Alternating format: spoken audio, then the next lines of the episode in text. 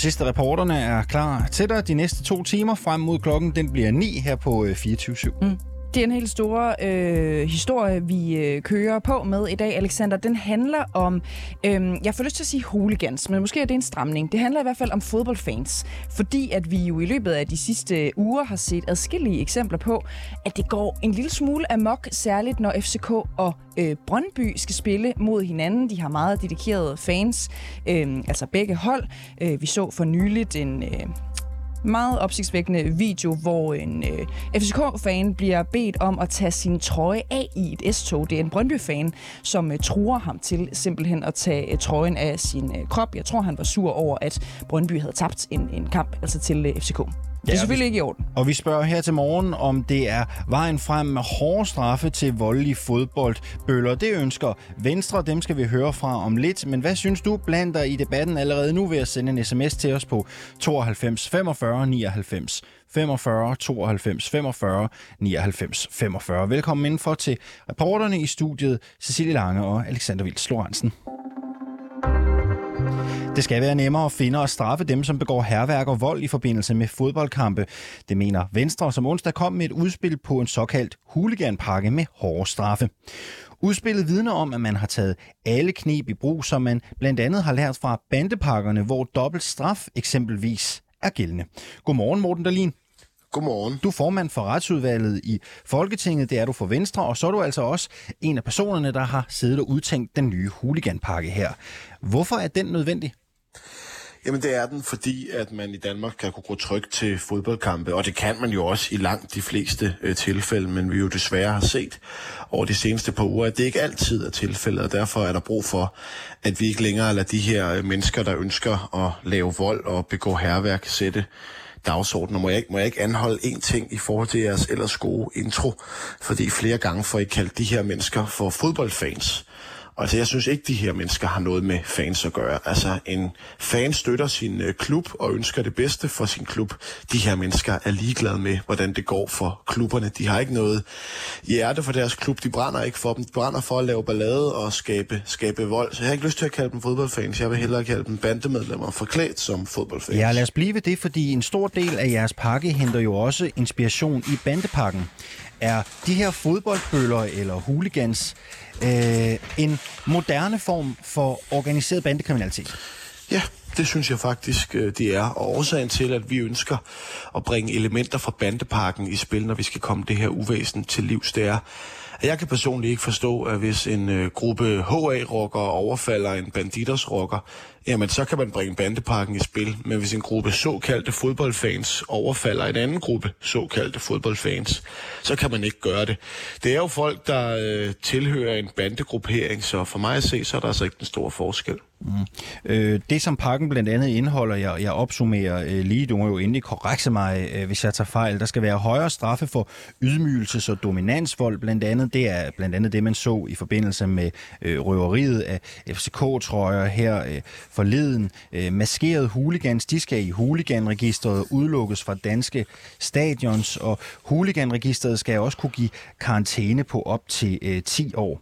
Øhm, nogle af de her straffe, de er jo også øh, dobbeltstraffe, så at sige. Den, mm. den indeholder seks forslag i jeres pakke i alt, som blandt andet vil bringe bandepakken i spil, som jeg også nævnte. Linda Kær Minke, hun er lektor ved Juridisk Institut på Syddansk Universitet. Hun siger, at forskning viser, at strengere straffe ikke har nogen præventiv effekt. Og hun siger også, at risikoen for tilbagefald er højere, når der idømmes strengere straffe. Hvorfor skulle det virke at straffe hooligans med dobbeltstraf, når forskningen viser, at det faktisk kan have den modsatte effekt? Ja, men altså, øh, den der diskussion om straf virker, det er jo en gammelkendt diskussion i, i retspolitikken. Og jeg køber ikke præmissen om, at det ikke fungerer at sætte folk i, øh, i fængsel. Vi har jo faktisk et eksempel på en, en Brøndby-hooligan, der netop er blevet idømt øh, forvaring. Og jeg tror, at de fleste i omkring den person, der har været udsat for vedkommendes forbrydelser, jo oplever, at det sådan set har en ret god effekt, at han er blevet sat i forvaring, fordi han jo, netop, jo netop nu ikke længere kan gå og, øh, og terrorisere sine, øh, sine omgivelser. Og så må jeg bare sige, at jeg tror sådan set, det godt kan have en effekt, at man for eksempel bliver idømt en længere karantæne fra et, øh, et fodboldstadion.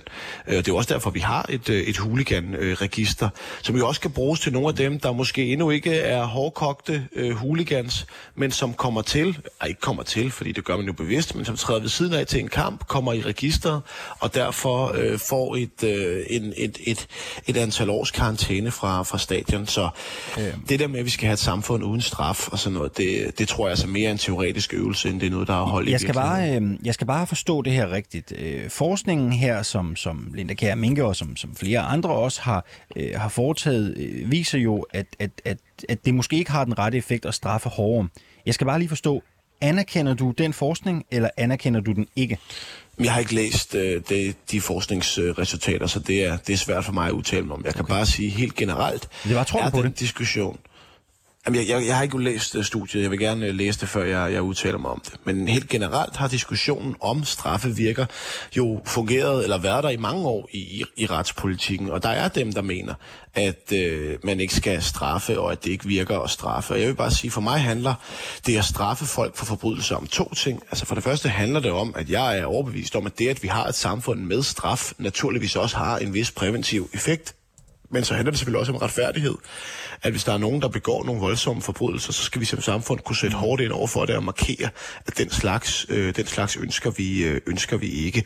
Og man kan jo sige helt lavpraktisk, hvis man ikke må komme inde på et fodboldstadion i lang tid, så kan man i mindst ikke lave ballade inde på selve fodboldstadionet, hvor det jo trods alt er der, de fleste øh, almindelige fans opholder sig. Og det har jo en eller anden form for positiv effekt. Der bliver jo heller ikke talt om, at man ikke skal straffe. Der bliver jo bare talt i forskning om, at ved at straffe hårdere, kan det have den øh, modsatte effekt.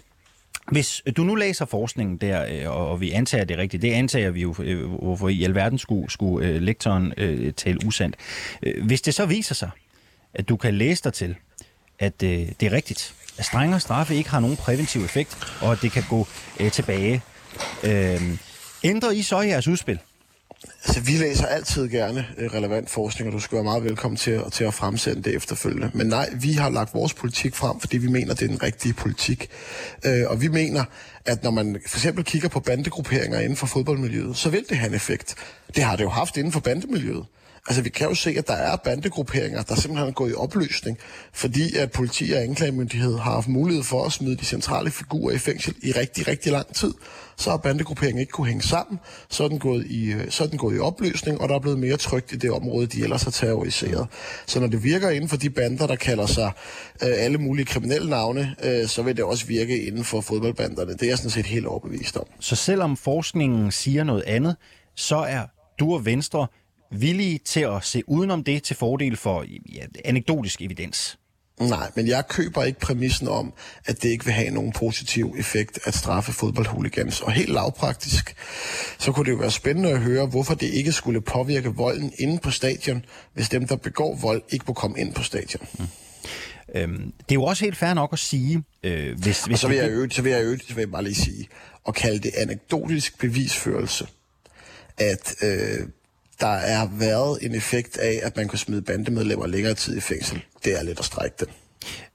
Det er, det er fair nok. Det, det, øh, det, det, den holdning er du selvfølgelig, øh, er du selvfølgelig uh, entitled til. Uh, lad os lige prøve at blive... Ja, det er fordi... politiet jo også, der jo faktisk selv har sagt, at det med at bringe bandepakken i spil, eller det med at bruge uh, elementerne fra bandepakken, har haft et effekt på, på bekæmpelse af, af, af bandekriminalitet. Så det er ikke bare noget, jeg mener. Det er jo sådan set også noget af dem, der står op hver dag og bekæmper bandekriminalitet. Og vi taler også med, med politiet senere. Morten Delin, det, det er jo også fair nok at sige, hvis, hvis det er det, du mener. Så jeg prøver at spørge lidt skarpere om, om det vigtigste måske i virkeligheden er også at sætte et eksempel. Altså om det vigtigste er at sende et signal om, at vi simpelthen ikke vil acceptere de her fodboldbøller. Er det i virkeligheden det, der måske er det vigtigste? Nej, det vigtigste er at sikre, at øh, flere mennesker kan få lov at øh, nyde den øh, sport, vi er tusindvis, der elsker øh, i fredelige omgivelser, uden at skulle frygte for noget. Og det kan man også i langt de fleste tilfælde. Vi skal bare sikre, at det sker i endnu flere tilfælde. Uh-huh. Øhm, senere på morgenen, der taler vi også med Christian Rothmann. Han er formand for Danske Fodboldfans. Han siger, at jeres huliganpakke vil være uden effekt, fordi den ikke kommer til at afskrække de hardcore fans og hooligans. De tænker nemlig ikke over, at det, de laver, er ulovligt. Øh, det så vi øh, blandt andet i går med den Brøndby-fan, som var overrasket over, at han altså skulle i fængsel for at true en FCK-fan til at tage sin trøje af. Hvad tænker du om den kritik, der bliver rejst fra formanden for de danske fodboldfans her? Jamen, det kan da godt være, at han har ret øh, at man ikke øh, tænker over det. Men så kan man så sige, når man bliver fanget, og så bliver sat i fængsel, så er der i hvert fald en lang periode, hvor man så ikke kan begå den slags vold. Alright. Morten Dalin, du er formand for retsudvalget i Folketinget for Venstre. Tak fordi vi måtte tale med dig her til morgen. Selv tak. God arbejdsløs. Jo, tak skal du have. Uh, Cecilie, lad os lige opsummere igen huliganpakken her. Uh, mm. Den vil som sagt bringe elementer, som vi allerede kender fra bandepakken i spil. Der skal være bedre mulighed for at udlevere oplysninger om voldsmænd. Der skal være en mulighed for at gøre det obligatorisk for udebanefans at blive på stadion efter kampe. Der skal kunne gives højere straffe for ydmygelses- og dominansvold. Maskerede hooligans skal i huliganregisteret og udelukkes fra danske stadion, så så skal huliganregisteret kunne give en karantæne på op øh, til 10 år. Det er nogle af de elementer, som Morten Dalin han fortæller om her. Og det, der jo også er interessant at gribe fat i i det her interview, det er jo, at selvom forskningen siger noget andet, altså at strengere straffe kan have den modsatte effekt, så fortsætter Venstre alligevel. Mm. De vil gerne læse det, men de kommer ikke til at ændre holdning, siger Nej. han i interviewet Nej. her. Og noget af det, vi vender en lille smule tilbage til øh, senere, det er jo også, øh, som Morten Delin øh, fremlægger her, at øh, ja, hvis det her skal øh, virke, så skal man jo fange de mennesker, der begår øh, volden og er grænseoverskridende på stadion, men også det har man faktisk store problemer med i den her øh, kontekst, så det er jo rigtig spændende. Og nu skal vi øh, høre fra Heino Kegel, som er forbundsformand for Politiforbundet, fordi han opfordrer til hurtig handling for at komme de her voldelige konflikter i huliganmiljøet til livs. Fordi ifølge ham, så er det et spørgsmål om tid, før fodboldkampe i Danmark vil koste menneskeliv. Jeg synes jo, at øh, det vi har været vidne til øh, igennem øh, de sidste par måneder øh, efter de her højrisikokampe, det tyder i hvert fald på, at der har været en eskalering. Øh, og det er jeg faktisk meget bekymret for. Vi oplever, at der er styrer inde på stadion, der kommer til skade. Øh, fansene imellem øh, er der til skadekommende. Øh, vi oplever, at der er voldsager efter de her fodboldskampe. Det er, det er uhørt, at det er i det omfang. Øh, og det er, det, er, det er oftere, og det er mere alvorligt end tidligere. Hvad frygter du, det, øh, det får af konsekvenser, hvis det her fortsætter? Jeg frygter, at øh, nogen på et tidspunkt øh, kommer slemt til skade, eller i hvert fald mister livet. Øh, nu har vi set, at, øh, at der lige pludselig er våben med inde på, på stadion. Det er også noget, vi ikke har set tidligere. Den her voldsparathed øh, og det had, som er øh, ja, både til hinanden, altså fansene imellem, men også til politi, det er jo noget øh, grovere, end vi tidligere har set. Så derfor frygter jeg, at der er nogen, der kommer slemt til skade, eller i hvert fald mister livet på et tidspunkt. Ja, kan du lige uddybe det? Altså, hvad er det helt konkret, der gør, at du tænker, at nogen lige frem risikerer at dø af det her? Jamen, der skal jo ikke meget fantasi til at forestille sig, hvis der er et slagsmål, og man har våben med, hvad det øh, kan få af konsekvenser. Øh, sten, øh, flasker, der bliver kastet, der bliver ramt i, øh, i hovedet, øh, hvis man har stikvåben med. Øh, det, det er altså alvorligt våben, vi har med at gøre. Det vil betyde alvorligt til skadekommelse, eller i hvert fald øh, nogen, der mister livet. Venstre er jo lige kommet med et forslag om en huliganpakke, hvor man har fokus på hårde straffe. Men, øh, men inden hos jer i Politiforbundet, der har I sagt, at I ikke har nogen kommentar til, hvorvidt det er en god idé med hårde straffe eller ej. Synes du, der skal tilføres flere beføjelser til politiet? Se, det er også noget, jeg ikke vil kommentere på, fordi okay. vi har de beføjelser, som vi har. Er der noget her, der kunne tyde på, at politiet ikke er i stand til at udnytte de metoder og de beføjelser, man i forvejen har, på en effektiv måde? Der gør, at det her det kan få lov til at, at ske igen og igen? Nej, det, det er det ikke. Altså, vi bruger ikke mange ressourcer på det, og vi er uddannet til det, vi har det rigtige udstyr. Øh, men man kan jo ikke forhindre, når der er nogen, der egentlig ønsker noget andet. Der er jo nogen, der ikke ønsker selve fodbolden, men, men kommer der for noget andet. Og det kan man ikke dæmme op for. Det er man nødt til at løse politisk. Hvad, hvad kan stoppe det her? Hvad skal der til? Jamen, øh, ja, øh, godt spørgsmål. Og det er også derfor, at politiforbundet går ud og siger, at nu, må, nu er der nogen, der må sætte sig sammen. Der skal komme et politisk udspil. Der er nogen, der er nødt til at sætte sig ned og finde ud af, hvad der skal til for at bringe det her til ophør. Det, øh, og det kunne både være klubber, det kunne være fans. Det er politiet, der sætter sig ned og finder ud af, hvordan kommer vi det her til livs, for det skal stoppes. Så kan der komme masser af idéer på bordet. Det kan være længere straffe, som der er nogen, der siger, eller øh, ja, altså øh, huliganregister, alt muligt andet. Jeg ved det ikke. Men det er jo det, man skal i fællesskab skal finde ud af, hvad er det, hvad er det rigtige værktøjer.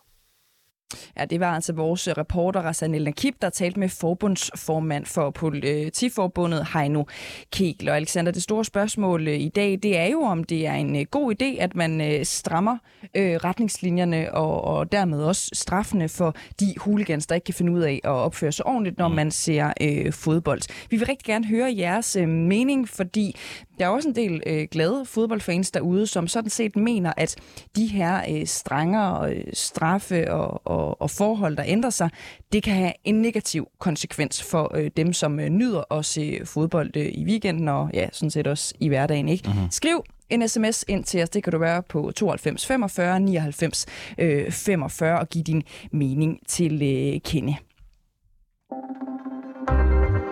Vi taler jo også om Venstres forslag til en huliganpakke her til morgen. En pakke, som vil tage elementer fra bandepakken og forsøge at implementere det i en ny pakke, som altså skal ramme de her øh, hooligans. Det hedder jo en huliganpakke, de kalder partiet det mm. selv. Den kommer i kølvandet på en række voldelige hændelser i huliganmiljøet. Senest i søndags, hvor en 25-årig Brøndby-fan stjal en FCK-trøje fra nogle drenge, efter han troede dem til at tage dem af i et S-tog. Hændelsen blev filmet og har fået stor opmærksomhed på de sociale medier. Nu er den 25-årige Brøndby-fan blevet fremstillet i grundlovsforhør, efter han selv meldte sig til politiet. Og vores kollega Michel Færk var til stede i retten og fortæller, at manden blev sigtet for ulovlig tvang. Hvad forklarer, eller, eller udtalte han noget selv? Hvordan forholdt han sig han. til sikkelsen? Det gjorde han i den grad. Okay. Han var meget ivrig efter at forklare sig. Til at begynde med, han kender selvfølgelig ikke procedurerne og sådan noget. Der troede han flere gange, at nu måtte han sige noget, og han bad også øh, flere gange øh, selv om ordet. Øh, han har jo erkendt øh, de her øh, tre forhold. Der er et forhold, hvor han mener, der må være tale om en anden gerningsmand.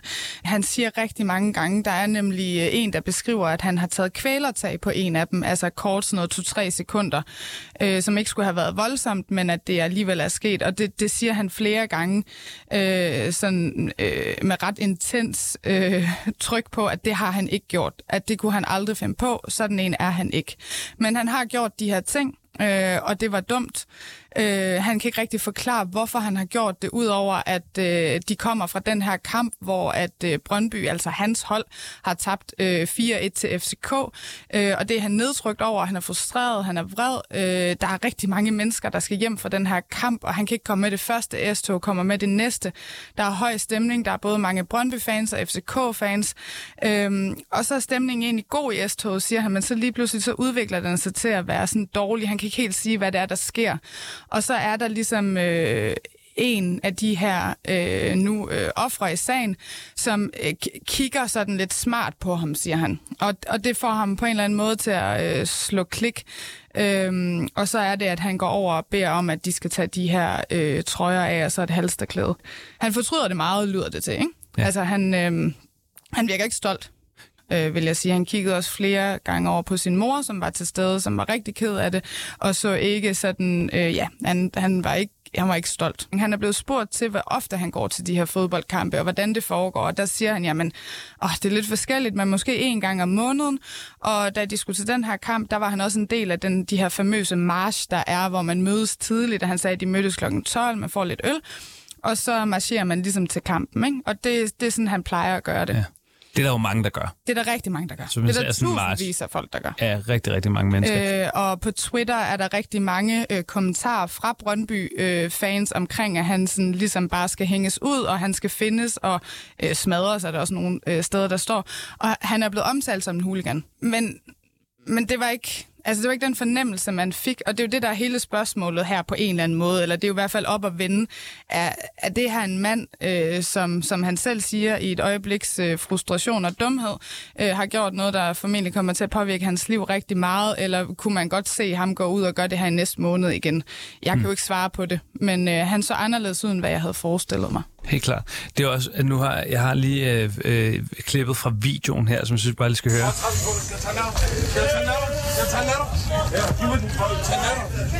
Hvor han jo lyder, her i hvert fald, han lyder ret ubehagelig. Skinnet kan også bedrage, kan man sige. Det er klart. Der er folk små nørder, man. Alt det der. Det var mere bare, hvordan det var i forhold til, du har jo også du har set videoen, du har Mhm. set dem på videoen, du har set dem i virkeligheden. Bare hvordan, om, om man kunne mærke nogen sammenhæng mellem de her to personer. For, for mig virker det umiddelbart som øh, to forskellige personer. Ja. Mm. Så derfor kan man jo også øh, se det lige pludselig på en anden måde. Men altså, det virkede rigtig meget til, at i hvert fald ifølge ham, og det virkede egentlig ret oprigtigt, at, sådan, at han vidste sgu ikke lige, hvad der gik galt, men det klikkede. Øhm, Ja. Så, så ja, det virkede ikke som noget, som i hvert fald øh, var overlagt. Det var ikke noget, han havde planlagt, øh, men øh, det gør det jo ikke bedre, kan man sige. Men der, der har jo været enormt meget øh, mediebevågenhed på ham her, han, øh, som, jeg også har nævnt. Altså, han er virkelig blevet øh, berygtet mm. øh, på en eller anden måde, og, og f- der, det, det, du sagde også, der er mange Brøndby-fans, der nu er ude efter ham og vil smadre ham og alt det her. Hvordan kunne man ellers mærke i retten, at øh, der har været meget opmærksomhed på, øh, på den her sag og på, på ham personligt? Ja, altså ap- apropos det der med, at, han, er- at folk er ude efter ham, øh, både øh, på den ene og den anden side, så kom det også frem, at han har modtaget øh, 30 dødstrusler øh, siden øh, det skete, altså siden han meldte sig i går. Ja. Øhm, og så ud over det, så blev det i tale sat fra forsvaren, at øh, nu har endda vores øh, justitsminister Mathias Tesfaye været ude og blande sig i sagen, og det er jo selvfølgelig ikke er noget, vi vil have til at påvirke øh, øh, inde øh, bag, øh, altså inde i retslokalerne. Så, og der var rigtig mange journalister til stede. Det var sådan, at jeg nærmest ikke kunne få en plads, øh, fordi der var fyldt op. Udover det, så er der jo det her med navneforbud, som er, øh, som er nedlagt, og det er jo også for at beskytte ham, fordi det er blevet så stor en sag. Øh, og, og man kan sige, at, at, at nu er det jo lige blevet sådan, at nu har folk fået nok. Ikke? Nu, nu gider man, nu accepterer man øh, sætte ud som om i hvert fald ikke det her i, øh, i miljøet længere, i fanmiljøet. Så nu skal der ligesom på en eller anden måde sættes en stopper for det, og så er det jo lige tilfældigvis øh, ham, der så har gjort noget den her gang. Altså, der var jo øvrigt et, øh, et tilfælde mere, set ud som om fra Københavns politi, var ude og sige, at øh, i samme S-tog, hvor ved en anden station, hvor der også er nogen, der har fået taget deres FCK, tror jeg. Det virker som om, det er noget, man gør. Det, man jo taler om øh, i de her tilfælde, det er, at man gør det, altså at kulturen, normen er, at man gør det for at få øh, et trofæ og for at ydmyge. Ja. Øh, det siger han jo selv, det har det ikke været. Altså han siger, det, der er ikke noget med et trofæ her. Altså sådan, det er ikke det, det handlede om. Det handlede bare om, at, øh, at, at man sådan på en eller anden måde ville sige, at de var nogle, øh, at de var nogle tabere. Og det sagde altså øh, Heino øh, Kegel. Nej, det er simpelthen ikke rigtigt. Det var øh, øh, gårdsdagens afsnit fra 24-7's krimimagasin Døgnrapporten. Øh, et indslag her med øh, Michelle Færk, der altså havde været til stede i retten, hvor den 25-årige Brøndby-fan blev fremstillet i øh, grundlovsforhør. Øh, Døgnrapporten, som du for øvrigt kan høre hver dag her på kanalen mellem 15 og 16, eller der, hvor du finder din podcast. Og den øh, 25-årige Brøndby-fan er nu varetægtsfængslet, efter at han øh, selv meldte sig til politiet for at have øh, tvunget trøjer af nogle FCK-fans. Så det er altså den her sag, som nu har fået Venstre til at foreslå højere straffe for ydmygelses- og dominansvold, som de kalder det i deres øh, nye udspil til en hooliganpakke. Christian Rotman, øh, godmorgen. Godmorgen. Du er formand for Danske Fodboldfans. Øhm, en hooliganpakke, som fokuserer på længere og hårdere straffe. Hvordan lyder det? Det lyder som, det er den samme værktøjskasse, man har brugt længe. Øh, en værktøjskasse, der, der, er, der desværre ikke har vist den, øh, den store effekt, og jeg synes, det, det, det belyser desværre, at man ikke har forstået problemets kompleksitet, fordi man tror, at man løser problemet ved at bare straffe mere. Og jeg synes, den sag, som vi havde lige forinden her, om, om den her brøndby som har stjålet tøj på folk, og så ikke forstår, at man bliver fortsat varetægtsfængslet, belyser, at der ikke tænkes i straf, når man begår de her voldshandlinger. Så straf mere, det vil ikke flytte nævneværdigt problemet. Vi er nødt til at kigge på det, det mere forebyggende arbejde og finde ud af, hvordan vi kan undgå, at det overhovedet kommer til en situation, hvor vi skal til at straffe folk. Du siger, at det virker som om, at du har noget øh, erfaring, som fortæller dig, at det her det ikke virker. Hvad baserer du det på? Jeg baserer det på forskning, og Justitsministeriet også selv vil udgive rapporter, der også øh, konkluderer det selv samme med, at straffens længde ingen, ingen betydning har i gerningsøjeblikket. Fordi der tænkes ganske enkelt ikke i straf, når, når man begår de her handlinger. Og det kan vi også se, vi har længe, øh, eller vi har også tidligere forlænget øh, straffe for huliganisme og har register og alt muligt andet, og det, har jo ikke, det er jo ikke det, der har flyttet problemer. Det, der har flyttet problemer, det er, når vi har formået at sætte os ned og faktisk at diskutere de reelle problemstillinger og finde ud af, om vi kan forebygge kriminaliteten, i stedet for bare at straffe den efter effekt. Du siger også, at det virker som om, man ikke rigtig har forstået, hvad det her handler om. Hvad synes du, det handler om? Jeg synes, det handler i, i høj grad om, at man ikke øh, man, man behandler øh, fodboldfans med en grå masse øh, og, og tror bare, at de, de alle er ens, og derfor kan straffes på den samme måde. Jeg synes, man, man mangler at belyse øh, det aspekt, der er faktisk rigtig mange fodboldfans, der på ingen måde ønsker at tage del i, et, øh, i, i den her voldelige kultur, vi ser, der nogle gange udspringer på enkelte individer. Så hvis man faktisk formåede at aktivere de her rigtig gode elementer, der er i fodboldkulturen, så er man også for nemmere ved at finde frem til dem, der faktisk ikke kan finde indordne sig fællesskabets regler. Så det handler om, at man forstår fodbolden og, og fodboldfankulturen og hele den her gruppedynamik og crowd management, og man får et meget mere bredere perspektiv på de problemstillinger, vi ser i fodbold, fordi rigtig mange mm. gange så eskalerer situationer også. Og øh, fra mit perspektiv har vi lært, og, og også når vi kigger altså rent historisk, at vi er nødt til at gøre rigtig meget forarbejde for at minimere de her situationer, hvor problemer overhovedet opstår og det har været rigtig givende tidligere. Øh, nu har vi glemt lidt, hvorfor. Vi har glemt lidt formularen, om man vil. Øh, og, og så begynder det at gå ned ad bakke igen. Det er naturligvis utroligt ærgerligt. Men den her hooliganpakke, den er jo sat i verden for at ramme de hardcore hooligans, og altså ikke øh, den glade fodboldfan, øh, som, som du er inde på her. Kan det ikke have en positiv effekt for, for dig og for andre, som godt kan finde ud af at gå ind og morse og se øh, fodbold, hvis øh, de her grove hooligans simpelthen ikke er til stede på stadion, fordi de er blevet bostet og sidder i fængsel? Jo, men så synes jeg, vi skal kigge på, øh, hvordan vi får dem bustet, som du siger, i stedet for. Fordi at vi, altså med al tydelighed ved vi, at vi har et retssystem, der virker. Øh, men så skal vi så for at give politiet de værktøjer, der faktisk gør, at de kan fange dem her. PC har vi også et huleregister, der er fyldt med folk, der har fyret pyroteknikere.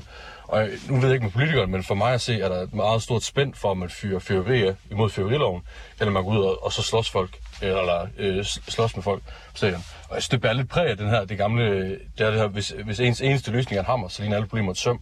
Og jeg, for mig at se, at det her ikke et spørgsmål om, hvor meget man kan godt nogen nød, men det, er et spørgsmål om, vi skal kigge på at finde de bedste løsninger. Mm. Politiet de overvejer også at forbyde, øh, forbyde undskyld, øh, udbanefans til de her store øh, fodboldopgør mellem FCK og Brøndby for eksempel. Er det en god eller dårlig idé? Jeg synes, det er en dårlig idé, og, og igen forsøger man at, at straffe en masse masse, der slet ikke ingen indflydelse har på den her problemstilling. Og derudover synes jeg også, inden vi begynder at indskrække borgernes frihed, så er vi nødt til at sikre, at vi har angrebet problemet på alle ikke invasive øh, måder inden da. Og der, der er rigtig mange ting, vi kunne gøre bedre i Danmark, og jeg synes, vi skal afsøge de muligheder inden. Blandt andet faktisk at have en dialog med alle interessenterne til fodboldkampe, og sørge for, at man også får fancy perspektiver for at blive meget bedre til at evaluere på kampene, og hvordan man kan gøre tingene bedre, og hvad, ting, man skal gøre, og også gøre anderledes til næste gang. Jeg kan jo høre, at du også er sat ret godt ind i, i forskning på det her område, så, så det er jo dejligt, så derfor synes jeg godt, at jeg kan henvise til, til noget af det, man, man ved rent faktisk. Øhm, fordi øh, der er jo flere, og det viser forskning sådan set også, at politiet kan være med til at forværre situationen for fodboldfans, når de overvejer at forbyde øh, udebanefans i de her store øh, fodboldopgør mellem BSK og, og Brøndby. Prøv lige at forklare os, hvordan skulle det konkret øh, ske med din erfaring? Altså, altså, der er jo ikke, der er ikke nogen øh, lige linje, øh, man kan trække, men jeg tror, man kommer til at, man kommer til at skabe et skæld mellem politiet og fans ved bare at forbyde og kollektiv straf øh, de enkelte fans, øh, eller alle fans på baggrund af de enkelte handlinger. Og jeg, jeg, jeg tror også, det der er sket nu, og også det vi hører fra vores medlemmer, når vi snakker med dem, det er, at der, der er sket et skred, lidt, øh, hvor i stedet for at fans politi hinanden som vigtige samarbejdspartner for at sikre den gode oplevelse, så er man blevet lidt distanceret, og man får lidt et konflikt øh, i stedet for. Og jeg, for mig at se, er det også en central del, at man ikke måske forstår bevæggrundene for, hvorfor den enkelte aktør handler, som de nu gør i en given situation. Og det er igen derfor, det er utrolig vigtigt, at vi formår at kommunikere øh, og evaluere og have en dialog med hinanden, således at vi sammen kan finde de bedste værktøjer, og ikke bare sidde i hver vores øh, skyttegrav og så skyde efter modparten. Ja, du, og du taler om, om dialog her, for kort øh, øjeblik siden, der talte vi med forbundsformand for Politiforbundet, og han siger altså, at øh, vi skal handle nu, ellers så risikerer vi simpelthen, at det her det kommer til at koste menneskeliv, fordi det er stukket så meget af. Øhm, bare lige helt kort her til sidst. Anerkender du simpelthen ikke politiets risikovurdering ved øh, de ting, som foregår på stadions, og altså, at det kan koste menneskeliv? Alt kan potentielt koste menneskeliv. Vi havde også øh, tidligere, eller daværende øh, øh politiforbundsformand med til vores seminar øh, i 2020, og jeg, jeg synes også der, der var en rigtig god dialog, og man også formået at se øh, de forskellige perspektiver i det her. Ja, alt kan potentielt koste menneskeliv, øh, men det er også derfor, det, derfor desto vigtigere, at vi formår at og hjælpe hinanden til at sikre, at det ikke kommer dertil. Øh, og jeg synes, at vi bare bekriger og forsøger at straffe, straffe os ud af det her. Det er ikke en løsning. Den har ikke virket historisk set, så hvorfor skulle den virke nu? Hvad er det, der er ændret ved straframmen, som, som skulle gøre det her? Altså, for, for mig at se, er det lidt skudt gråsbog med kanoner. Man, man, man forstår ikke at bruge det rigtige værktøj til situationen. Og det synes jeg, det er ærgerligt, for vi har jo faktisk værktøjskassen i Danmark. Vi har været bannerfører for dialogen øh, mellem alle interessenter, og været rigtig gode til at blive rost internationalt for det, fordi de virkelig har været effektfulde. Og vi har fået minimeret antallet af uroligheder og alt muligt andet. Mm. Men vi har desværre glemt det. Vi har glemt, hvorfor det var en succes. Øh, og det er det, vi skal finde tilbage til, fordi jeg har ikke alle løsninger, politiet har ikke alle løsninger, men sammen alle parterne imellem kan vi finde løsningerne, men det kræver, at øh, man også bliver nødt med til bordet, og det er vi desværre ikke blevet i sidste år. Christian øh, Rotman, øh, formand for Danske Fodboldfans, tusind tak, fordi du var med her til morgen.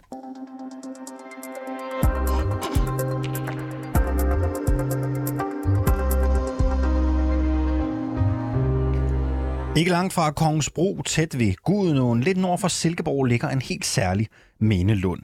En lund opført og vedligeholdt af fællesskabets Mindefond 1969. En gruppe bestående af veteraner fra Frikorps Danmark. Danskere, der under 2. verdenskrig tog til Østfronten og kæmpede for den tyske side. Lunden har ikke altid været populær blandt lokal for befolkningen, men 325 km stik øst, så er journalist og fritidshistoriker Kåre Lundby fra Søborg også optaget af historien om Mindelunden. Vores kollega Isse Samuelsen har ringet til Kåre Lundby for at høre, hvad det er for et sted, og hvad problemet er med det ifølge ham. Den dækker sådan lidt afsides, og man skal, man skal lede efter den, fordi der, man kan ikke slå den op på græs. Den, den ligger sådan nede af en markvej og lidt isoleret. Men, men det gør det jo ikke mindre væsentligt at, at snakke om. Den ligger der jo stadigvæk. Den ligger sådan meget isoleret øh, nede og i sådan en lund omkredset af træer, og så er der lavet en høj, og på højen er der et kors, et trækors, det har set bedre dage, det står lidt usikkert, og så er der en stor sten, hvorpå man hylder de frivillige, som trak i tysk uniform under 2. verdenskrig og kæmpede hovedsageligt på Østfronten, men også nede i Kroatien. Og så er der en, en informationstavle, en lille en, der står om, hvem de er og hvorfor de er der, og hvad de gerne vil med den her mindelund. Du siger jo, at den er svær at finde. Altså, hvornår oplever du første gang, at den her øh, mindelund og den her mindesten egentlig eksisterer? Jeg fandt frem til, at øh, det har været en tårn i øjet på frihedskæmper og på modstandsfolk, at den her lund har ligget her, den her mindelund. Og det var ligesom den vej, jeg fandt ud af, at de faktisk har prøvet at, at få saboteret og få lukket den her lund. Så det, på det var den måde, jeg ligesom fandt på ud af, at den eksisterede. Og så tog jeg simpelthen op for at kigge på den, og den er meget forladt. Den, den emmer ikke af noget liv eller noget, øh, at, at der ligesom er noget forsamling der. Men stadigvæk synes jeg bare ikke, den hører hjemme i Danmark. Hvorfor er det, at, at det er et problem, at den her mindesten den er i, øh, i Kongensbro? Jeg synes, det er en skamplet på vores øh, ry og rygte, og på de demokratiske spilleregler, vi har herhjemme. Og på Danmark som demokratisk forbillede, jeg synes simpelthen, det er en skamplet.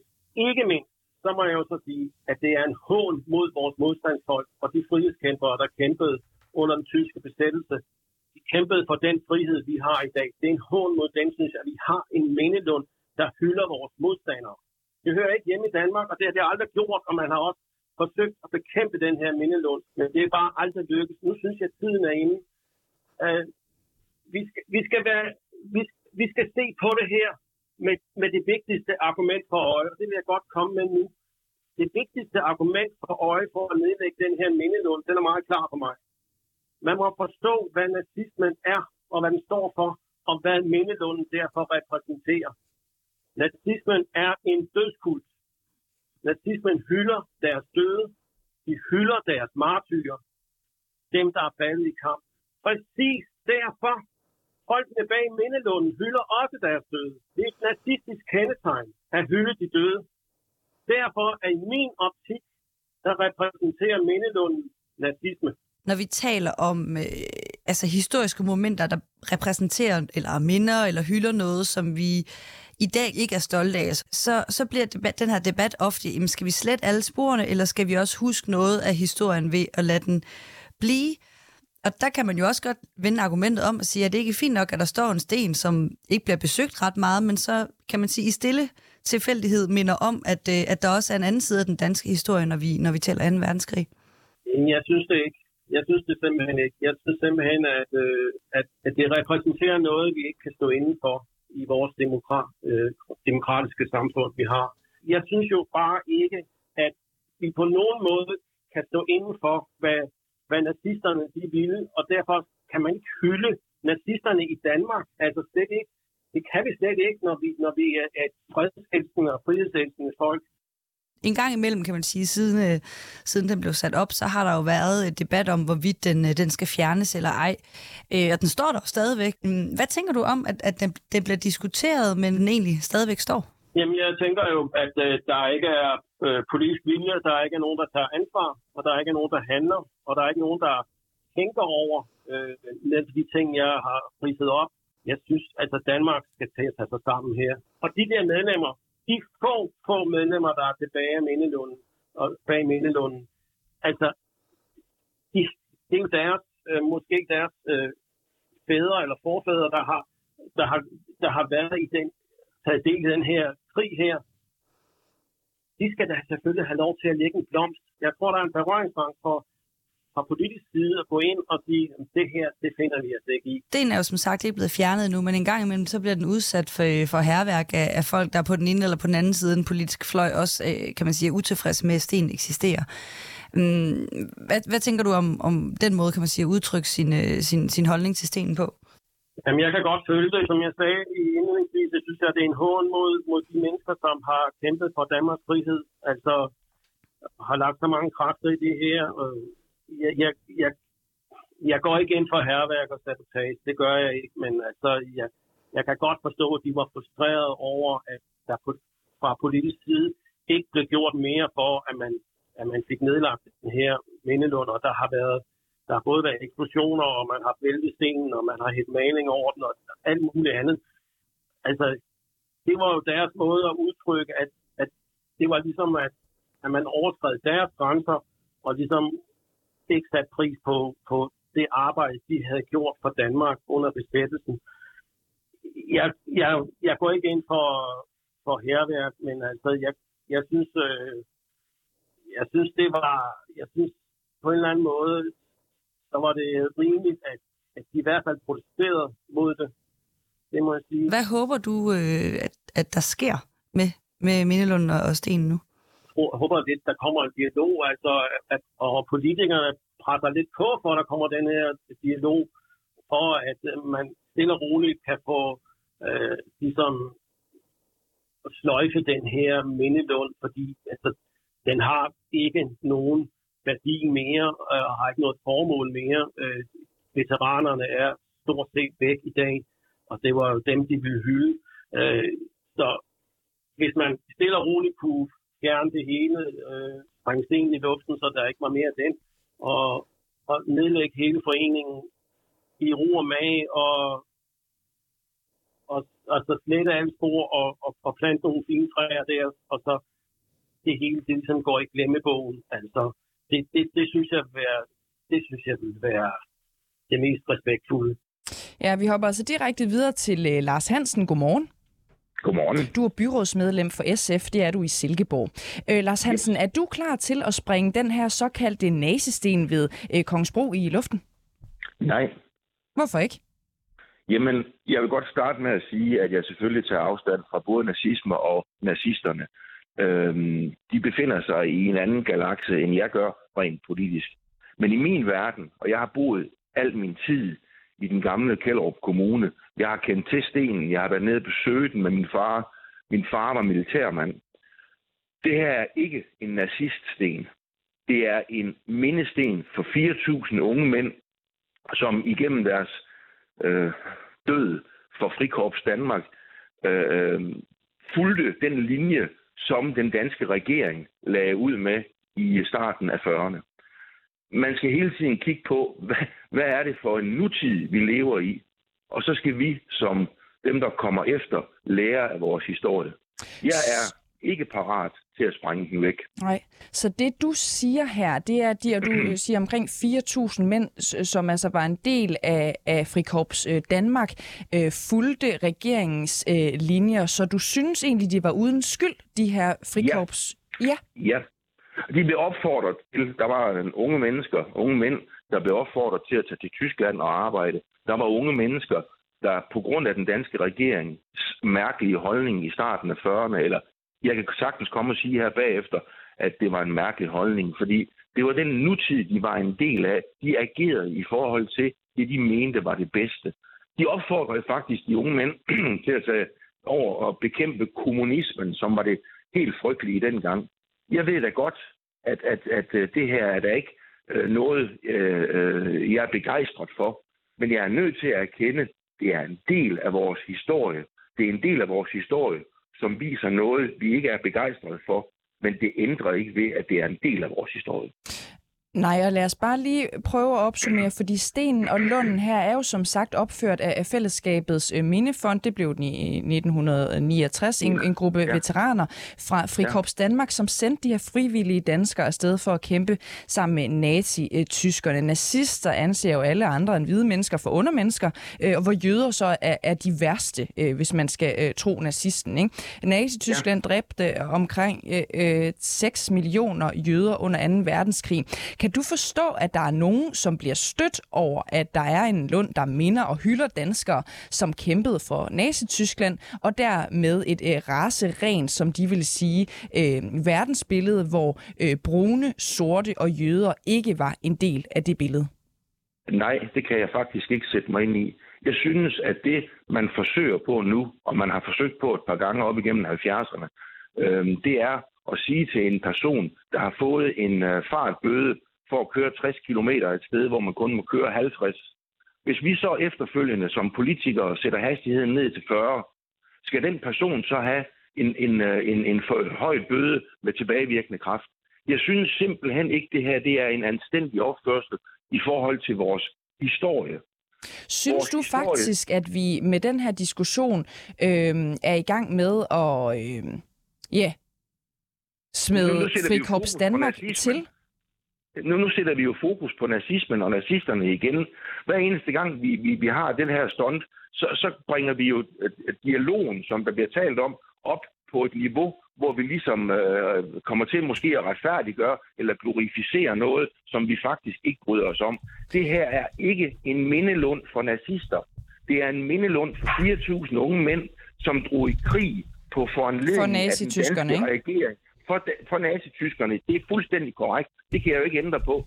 Men, men den dag, hvor... Jeg tror bare ikke, jeg forstår lige, lige øh, så, du, så du må lige hjælpe mig. Jeg tror ikke, jeg forstår, hvorfor det ikke er en, mindelø, øh, en mindelund, som skal hedre øh, nazister, når den hedrer Frikorps, Dansker, øh, Frikorps Danmarks omkring 4.000 frivillige, som kæmpede for Nazi-Tyskland. Hvor- Hvordan er det ikke en hyldest til dem? Det var 4.000 unge mennesker, ja, der var faktisk 8.000 unge mænd, mænd, der drog i krig øh, på foranledning af den danske regering på tyskernes side. Altså, det, det samme skete jo nede i, øh, i Sønderjylland under 1. verdenskrig. Øh, det her, det er et, et udtryk for, at der er nogle familier, der er ikke mange tilbage, at det er et udtryk for, at der er nogle familier, som vil have et sted, hvor de kan mindes deres døde. Øhm, og, og det er det eneste, det handler om i min verden. I min verden er det her ikke et udtryk for, at de unge mænd, der drog til Rusland for at kæmpe imod kommunisterne, det er ikke et udtryk for, at de var nazister. Det her, det var et udtryk for, at det var en dansk regering, der havde en, øh, en, en, øh, en mærkelig holdning i forhold til samarbejdspolitikken dengang. Og det fulgte de unge mænd Mm. bare trop. Hvis det er så vigtigt, øh, det her, det kan jeg jo høre, det er, altså vi bevarer den her sten og mindelunden i det hele taget. Ja. Øhm, kunne man så ikke tage og flytte øh, stenen ind på et museum, så den måske ikke støtte nogen af de øh, mennesker, ja, hvis sympati ligger hos for eksempel de jøder, der blev slået ihjel under 2. verdenskrig? Det har jeg ingen problem med at gøre. Og jeg vil også godt sige, at den dag, hvor der kommer en henvendelse fra øh, fonden bag ved Mindelunden, så vil vi da kigge på det. Og, og jeg er da helt sikker på, at så flytter vi den ind et historisk sted, hvor man kan opbevare øh, stenen øh, i forhold til, i relation til mm. den historie, der foregik under 2. verdenskrig. Er det simpelthen Men så længe vi- kompromis, øh, Lars Hansen, for alle er, er glade, at vi øh, kan mødes, øh, at du går med på, at hvis, øh, ja, vil du i virkeligheden selv kæmpe for, at den her sten kan komme ind og stå et, øh, på et museum for eksempel, hvor, hvor man også kan øh, opbevare og vedligeholde bedre? Nej, jeg har vigtigere ting end at kæmpe for at få flyttet en sten. Det må jeg nok ærligt om. Og så vigtigt var det heller ikke. Nej. Lars Hansen, øh, byrådsmedlem fra SF i Silkeborg. Tak fordi du var med her til morgen. Selv tak til hver en tid.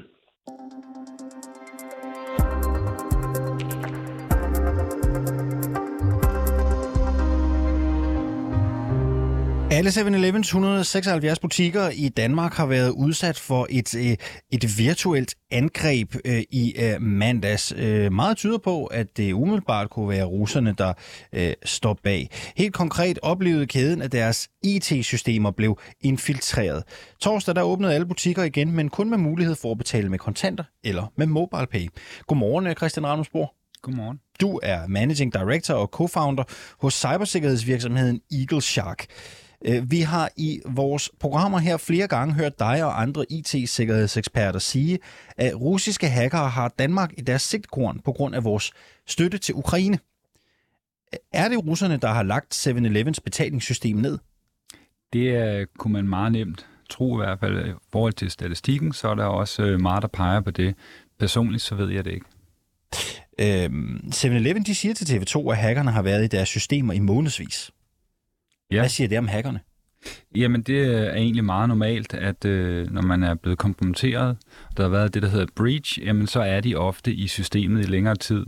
Og øh, det, som man typisk gør fra hackernes side af, det er, at man prøver at identificere, jamen, hvor er det mest sårbart, hvor er det mest kritisk, før man ligesom lukker det hele ned. Og, øh, og det har så taget et stykke tid, før man ligesom har fundet frem til, at nu mener vi, at vi har 7-Eleven, og nu lukker vi det ned. Så det tæller ikke øh, sådan noget specifikt, for det er meget normalt Moderantus i virkeligheden. Hvor kompliceret er det at angribe, ja, tænker jeg, en, en, en rimelig øh, stor organisations øh, uh, IT-infrastruktur som 7-Eleven? Det kan være meget forskelligt, fordi der er så mange forskellige typer af sårbarheder. For det første så øh, er det ikke ligesom i, i kan man skal sige, gamle dage, men hvis vi bare går 10 år tilbage, jamen så var det mest normalt, at man havde sine server i kælderen og havde 100% styr på sin egen sikkerhed. I dag der er det spredt ud i skyen og rundt til andre tredjeparts software og så videre, som ligesom også lægger sig op af deres sikkerhed.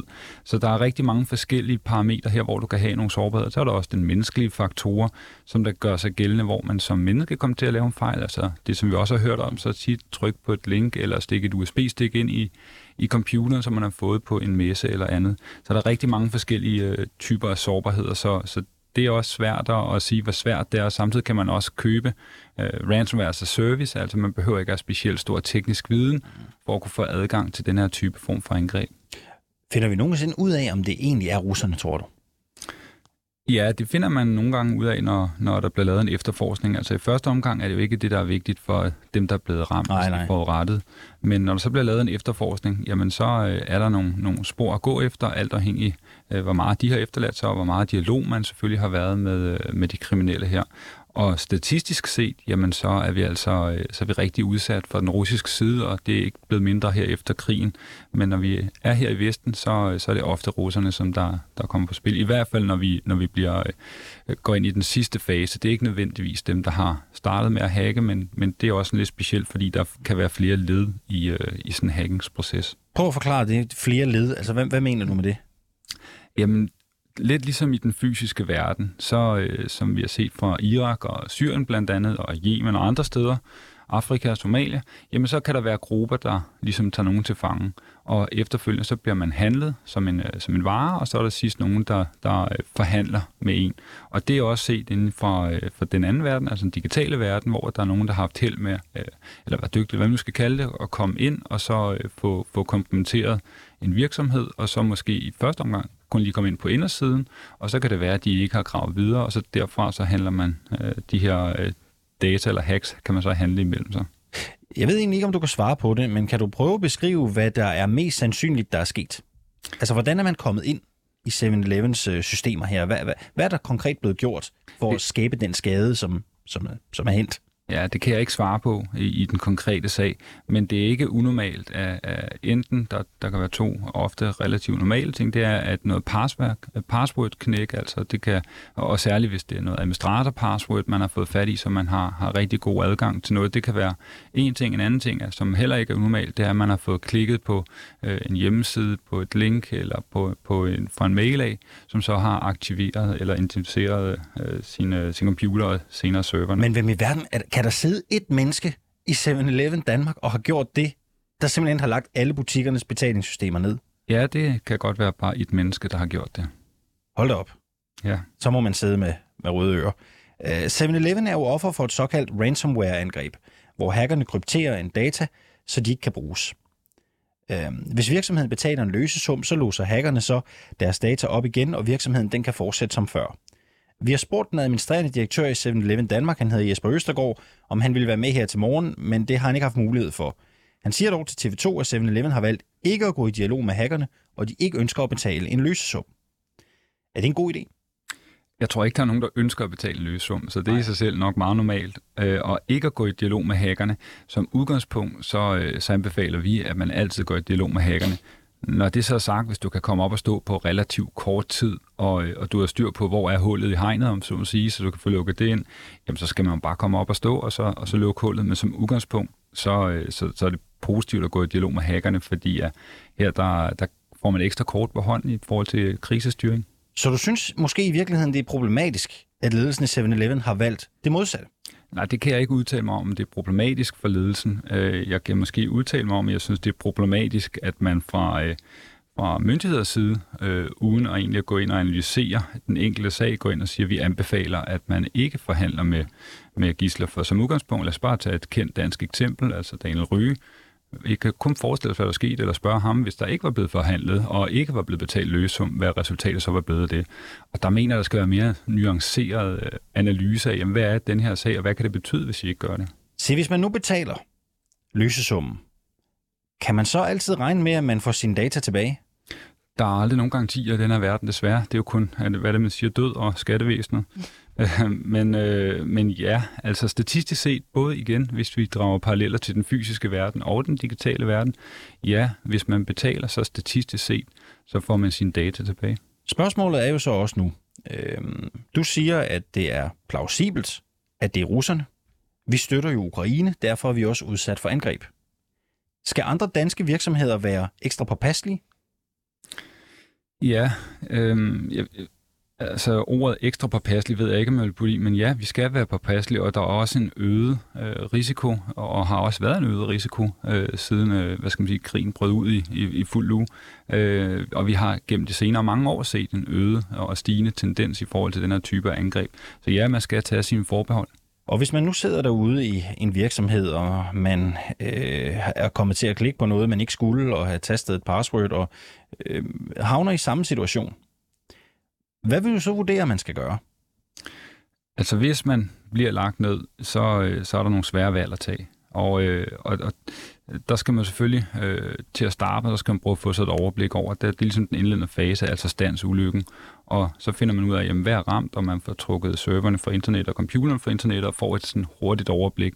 Og derefter så skal man begynde at tage nogle valg. Hvad gør vi sådan rent krisekommunikationsmæssigt? Hvilken vej vil vi gå? Vil vi forhandle? Vil vi ikke forhandle? Hvor hurtigt kan vi komme op? Og når man så har, har, typisk har man også et beredskab for sat det i værk, og en kriseteam sat det i værk, og så skal de her svære valg tages på baggrund af tre parametre. Altså vi skal ind og kigge på, hvad tager det af tid at komme tilbage på det ene, anden eller tredje valg? Hvad koster det af kroner at komme tilbage? Og i sidste ende, hvad, hvad koster det vores brand, hvis vi vælger A, B eller C? Og hvor hurtigt skal man træffe de her, som jo er ret alvorlige valg? Jeg vil sige, at der er nogen, der kommer på overarbejde, når man bliver ramt her, fordi det er nærmest 24-7, man, øh, man lige pludselig går ind og, og sådan i, i, hvad kan man sige, i, hvis jeg skal bruge nogle i mine termer, så vil jeg sige, at man går i, i uh, krigsmode her. Altså, du er i krig nu her, og, og der er ikke rigtig tid til at sove og slappe af, så det er sådan en ongoing proces, især de første uh, ja, 3-4 døgn, der er, man virkelig, der er man virkelig på, indtil man ligesom får det fulde overblik over at sige, okay, det er det her, det tager så lang tid, og nu kan vi begynde at tage nogle oplyste valg på baggrund af, at vi ved, hvad, hvad vi gerne vil. Christian Arnum Spor, du er Managing Director og Co-founder hos Eagle Shark Cybersikkerhedsvirksomheden. Tak fordi du var med her øh, til morgen.